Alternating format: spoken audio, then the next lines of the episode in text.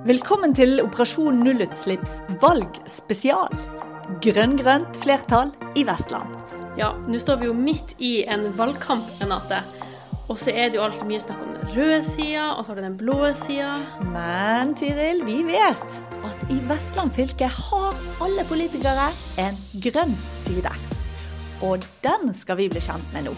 Ja, for i løpet av ni litt korte episoder så får du møte førstekandidatene fra alle de partiene som er i fylkestinget i Vestland. I denne episoden så skal vi få møte Stian Davis, som er førstekandidaten for Arbeiderpartiet.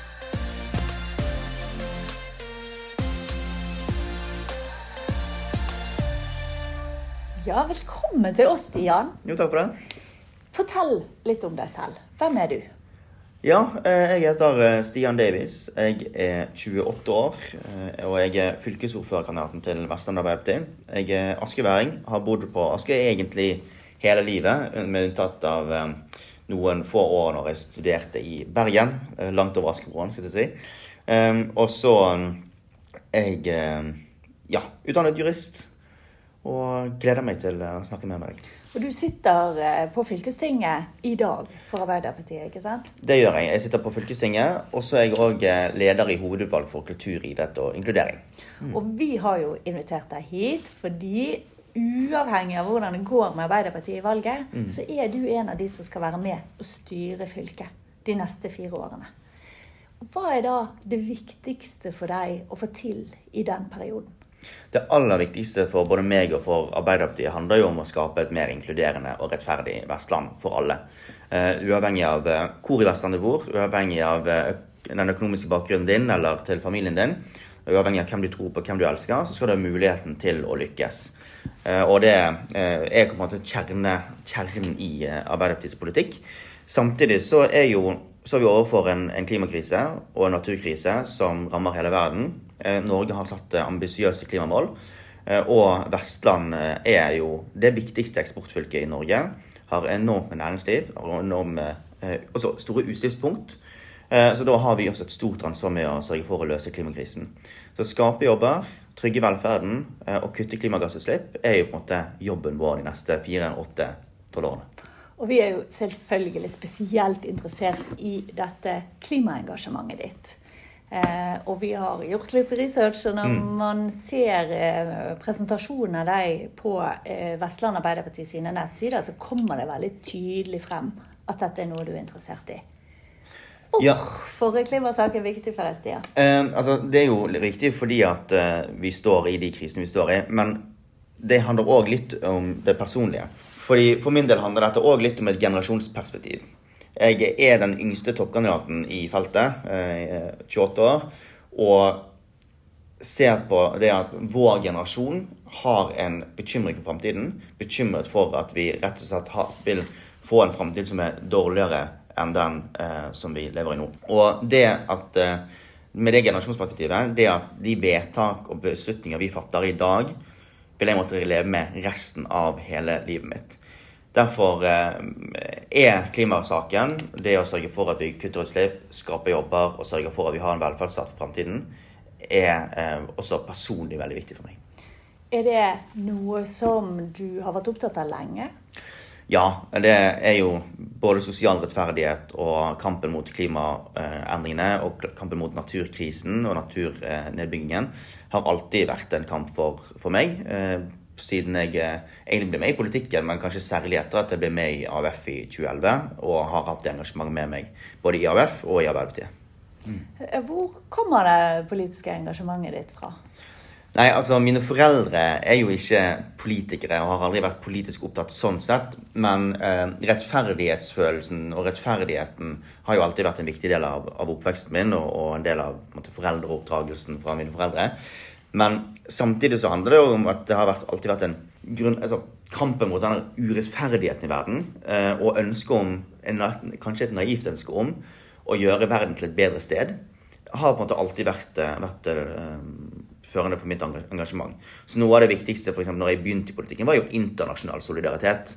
Eh, sørge for at eh, også de som eh, lever i ekstrem fattigdom, får tatt, komme seg ut av og få de mulighetene som jeg ønsker at vestlendingen skal ha.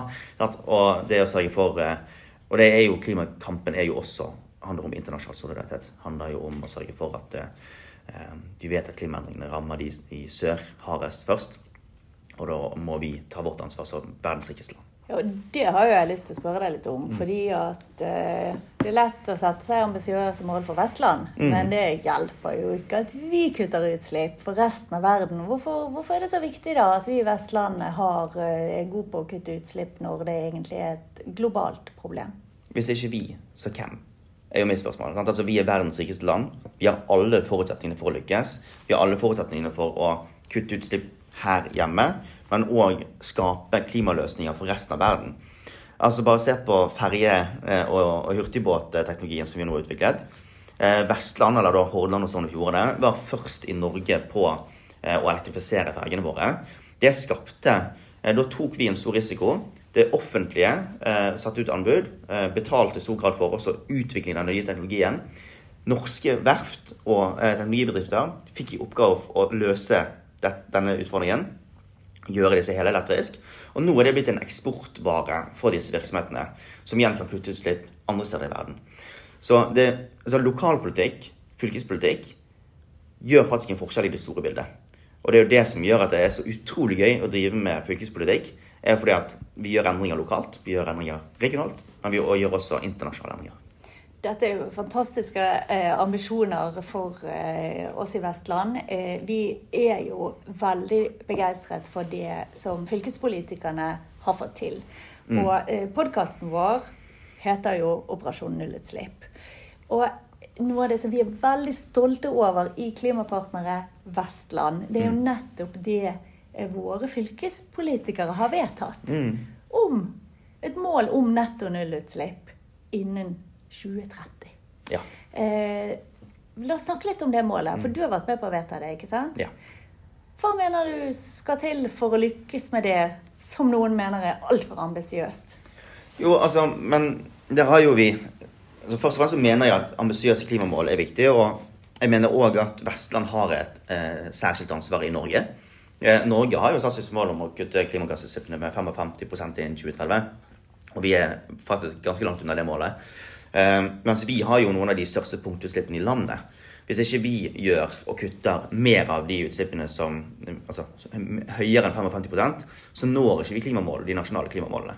Så det å sette høyere krav for um, industri- og næringsfylket i Vestland, uh, og det å bruke næringspolitikk som klimapolitikk, skape jobber og kutte utslipp, uh, er kjempeviktig for oss. Og så Om vi når 2030, altså nullutslipp innen 2030, det vet jeg ikke. Men vi skal gjøre alt vi kan for å nå det målet og gjøre det vi kan eh, her, både sammen med kommunene, fylkeskommunen og staten, for å gjøre det. Ja, for det er ikke lenge til 2030. Nei. Eh, og klokken tikker. Jeg syns jo det går forferdelig fort. Så vi i Klimapartner er selvfølgelig veldig opptatt av at da er det enda viktigere enn før med handling. Ikke sant, Tiril? Dette er noe som vi pleier å mase litt om. Ja, og så er det jo sånn at eh, politikere er jo kanskje kjent for å snakke veldig mye, men kanskje ikke gjøre så veldig mye, eller vise så veldig mye handling. Mm. Eh, så jeg er litt interessert i å vite hva slags konkrete tiltak har dere tenkt å gjøre? Mm. Jo, det, det viktigste, altså, kanskje det største og mest konkrete, som også viser handlekraft, mener jeg, er jo dette med at vi ønsker å gjøre hurtigbåtene våre, ikke bare fergene våre, men hurtigbåtene våre nullutslipp, eller iallfall lavutslipp. Og det kan gå, det går fint på de korte strekkene. Kleppstø-Bergen, det går fint. Men når du skal virkelig de lange strekkene, Bergen og Nordfjord, og Bergen i Sogn, så er det kjempeutfordrende. Det er teknologi som ikke finnes. Men så vet vi at hurtigbåtene er jo de største klima, eh, kan man si, eh, klimautslippskildene på transportsektoren i Vestland. Det er faktisk høyere per person enn fly. Eh, så det er viktig klimakutt og viktig eh, for å skape ny industri.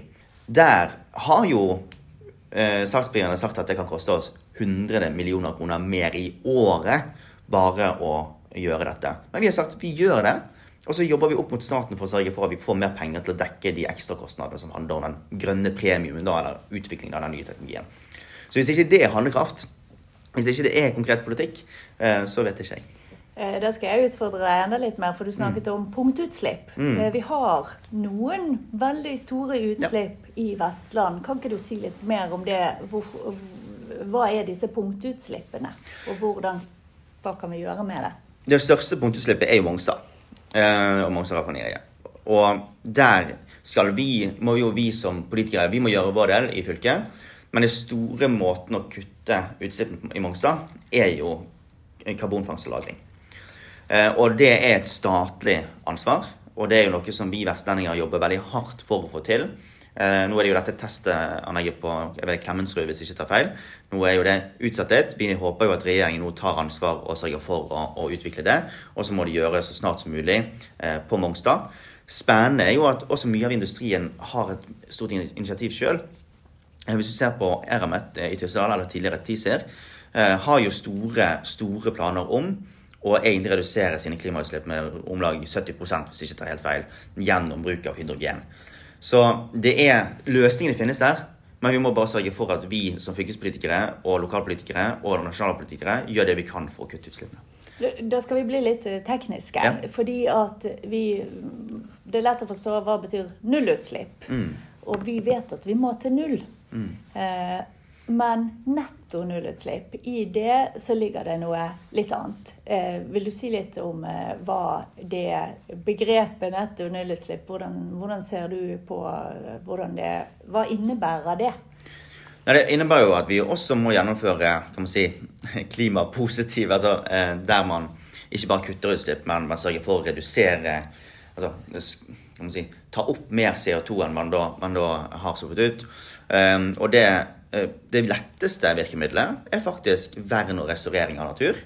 Eh, for å eh, beholde og sørge for at naturen i seg sjøl som CO2-lagringsplass tar det opp naturlig.